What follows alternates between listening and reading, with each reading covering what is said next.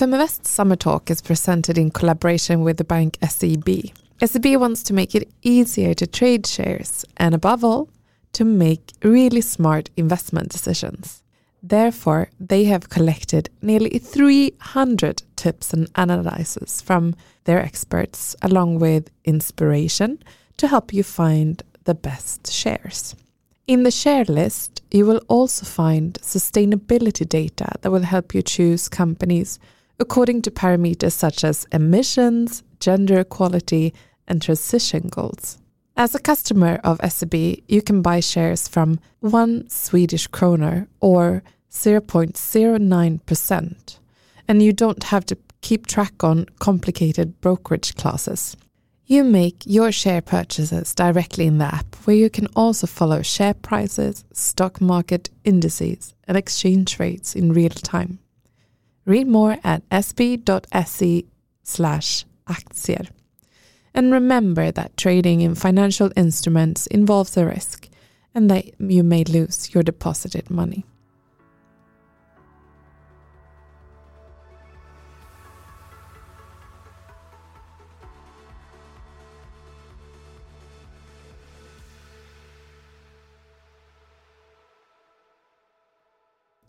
My life is hell right now. I stood by Richmond train station and I felt like my protecting shell cracked and all of the emotions and secrets I had held back for quite a while burst out into the open. We were supposed to go to Bikram yoga as I always did on Saturday mornings. Michaela, you don't need yoga, my friend said. You need to eat. I had lost some weight during the period, most probably due to the emotional stress and my body and mind had been through. She led me with firm steps to Wagamama as the next stop for the two of us. Seated across from my friend, with a big bowl of noodles in front of me, I tried to put together a few sentences to describe my life situation at the time. The time flew and it took a few hours. Cold noodles were left in the bowl in front of me. The more I talked about it, the more events tumbled out of me. It wasn't logic. I didn't have a distance to what was going on around me. It would take a few more months before I even started to get perspective. That lunch ended up with a chat with her mom she worked as a priest, apparently, and honored professional secrecy. She had helped plenty of women and men in different circumstances. We spoke on the phone for quite a while, and I remember I tried to get answers out of her. I could hear her concern on the other end of the phone. When I have come across women in your situation before, it has been extremely tough. That's something she could state. That evening, I spoke to my dad on the phone before I went to bed. I was so scared and I felt incredibly alone. Family in Scandinavia felt far away. But my dad would meet me the next day at my destination. The ticket was booked in secret while he was away on a business trip. 30,000 SAS Eurobonus points took me out of my hell. Some would refer to the money women need as fuck off capital. I have always thought of it as flyaway money. That ticket changed so much in my life. But then again, I am fortunate, fortunate enough to have had bonus points or a ticket. That morning, I texted him eventually. I didn't even dare to text him before I was at the gate like he would stop me. I don't even know if that would happen. But my thumbs created a message when the sign said boarding was lit. And I straight away received messages full of threats and blaming. I don't really blame him back. He used the toolkit he had fear. Today I can only feel sorry for him. I remember that I wore my favorite Chloe sunglasses to hide my teary face. And I do remember the guy next to me looking at me with compassion. And in the end, he asked me if I needed anything. concerned by the sorrow he was confronted by. It's not that common in business class, I presume. I eventually thanked him and asked him for a mineral water. He didn't even have to pay for it as we flew business class. It was the only available flight I could use my points for to leave first thing that morning. Remember, flying away. It's not about the person you are leaving, but the life you create for yourself. That final decision doesn't have to take place straight away, but you need to move yourself in a steady direction. And I remember I said to myself, I need to get myself into a place where I can make the best decision for myself. I wasn't capable at that time. I needed a lot of people around me to guide me in the right direction, but it was because I needed them to assist me because I felt stuck. And I knew that rationally it was the right decision for me. I just needed to get myself to that place so I could find that decision for myself.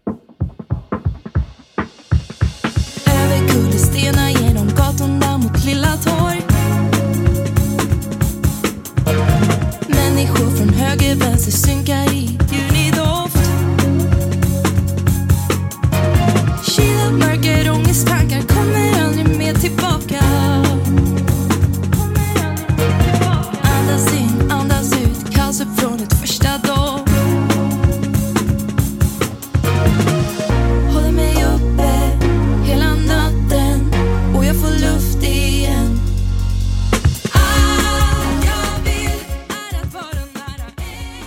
I realize that I'm fortunate, fortunate enough to have had bonus points at that time, to have had family and friends that supported me along the way, lucky to have had a ticket, lucky enough to even be able to have some money to rent a studio flat in London.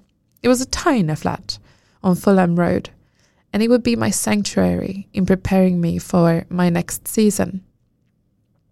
The interior was questionable. I rented it fully furnished. The landlord had smurfs. Yes, the blue figures sprinkled around the place. It was on shelves, in the kitchen, in the kitchenette, really. And the bed was round. I had two different wallpapers in that little studio. It was mixed rococo medallions with a photo print of a stony beach next to fake reed straws. I think that she had kind of created a beach corner in that little studio. But I loved that place. And I can still walk past the door, similar to, you know, the blue door in Notting Hill, and remember how much it gave me. Time flew, and I remember the day when one of my best friends and I woke up after a long night of dancing, and I received a message on WhatsApp I miss you. And I thought to myself, that I felt the response in every inch of my body. I don't miss you. The memories start to fail. Today I can thank myself for what life has taught me, but I'm also proud of my own steps that I took early on to guide me in a new direction. How I suddenly learned that fear would not only bring one person down, but that person would desperately bring other people with them in the fall. I had started to become fearful in different ways through living with a fearful person.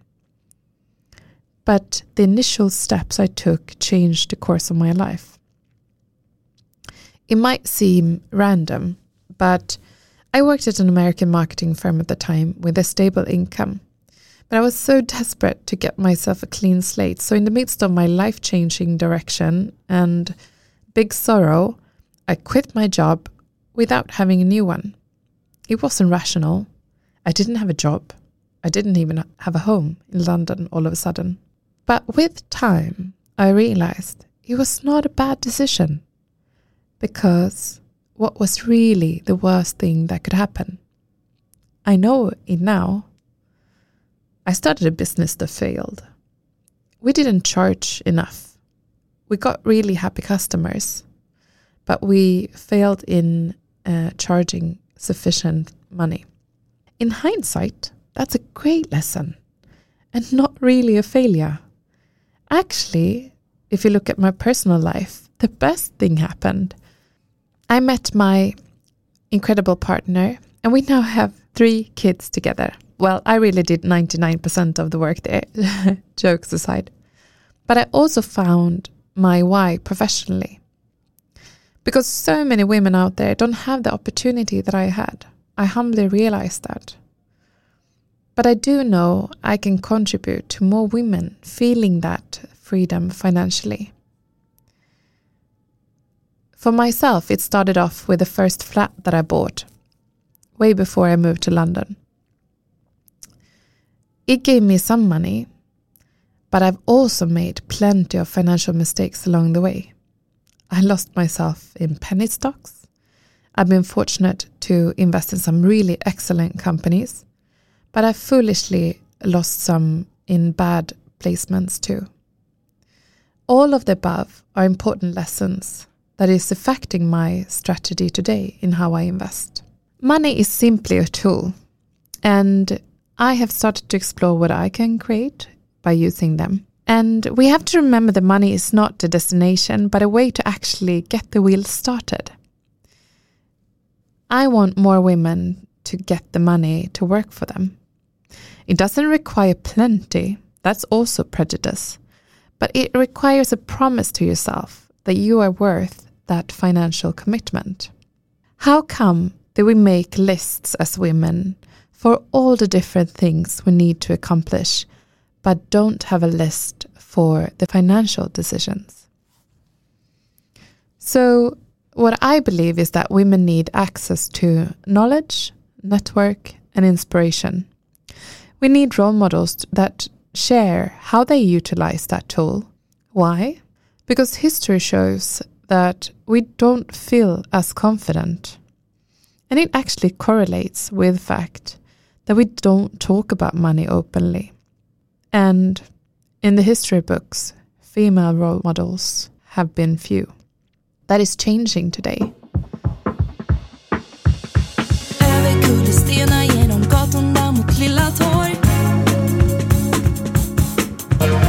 Människor från höger, vänster synkar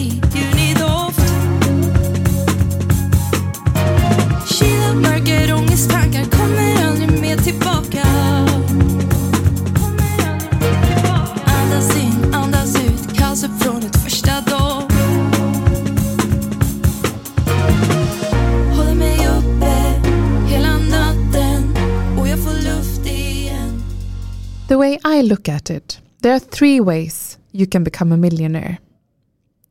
And I'm not thinking about property. Most of us would have some exposure there. You can angel invest. Through investing in a great entrepreneur, you can actually benefit of the value that that person is building. And that's why we have an angel investor network. It actually started when I met a guy that said that there are no female investors. You can also save and invest on a monthly basis. Do you really know that 1000 Swedish kroner or 100 pounds or about $100 every month would give you 1 million Swedish kroner after 25 years? I haven't calculated high there.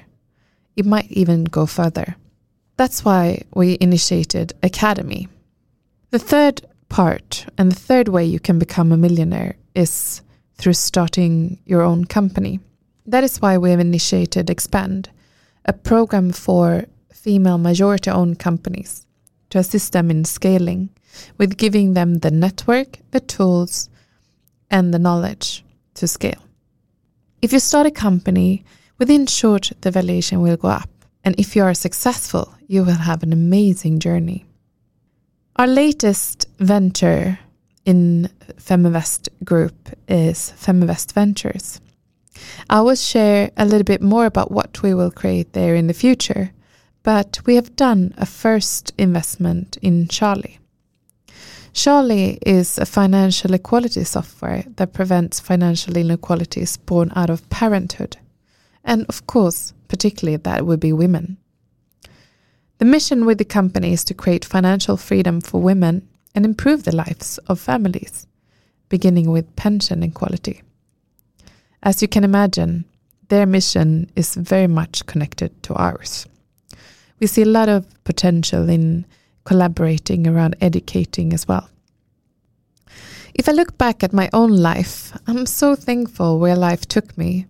And, you know, my own experience has rooted something in me that I do want to pass on to other women. That would be my why. But it's also that feeling of fearlessness. To not be frightened of what would be lying ahead if it's being more than you can imagine at the time. Not just looking at the obstacles, but seeing the potential. I know that there are many women out there that have experienced similar life situations as myself, and we have taken our journeys in different direction based upon what has happened. But my own story is a proof that small steps, a constant move, and with support of others can actually take you to an incredible place. Now you also know the background to the name we use for larger events. Fearless. If anything, I wish for every woman to grasp that feeling when stepping into any room, boardroom if you like. It doesn't come without doubts, mistakes, or losses, but it comes with the freedom. We will host our Fearless events in Oslo, Helsinki, and in Stockholm the upcoming year. And I do encourage you to go into feminvest.se and learn more about where and when it happens. For those of you that are listening, I hope that this will give you some courage to actually do something you've never done before financially. It's small steps, it's a constant move in one direction. Remember that. And I know that with time and with some small actions, you will start to become fearless too. My name is Michaela Berglund, and you have listened to my summer talk.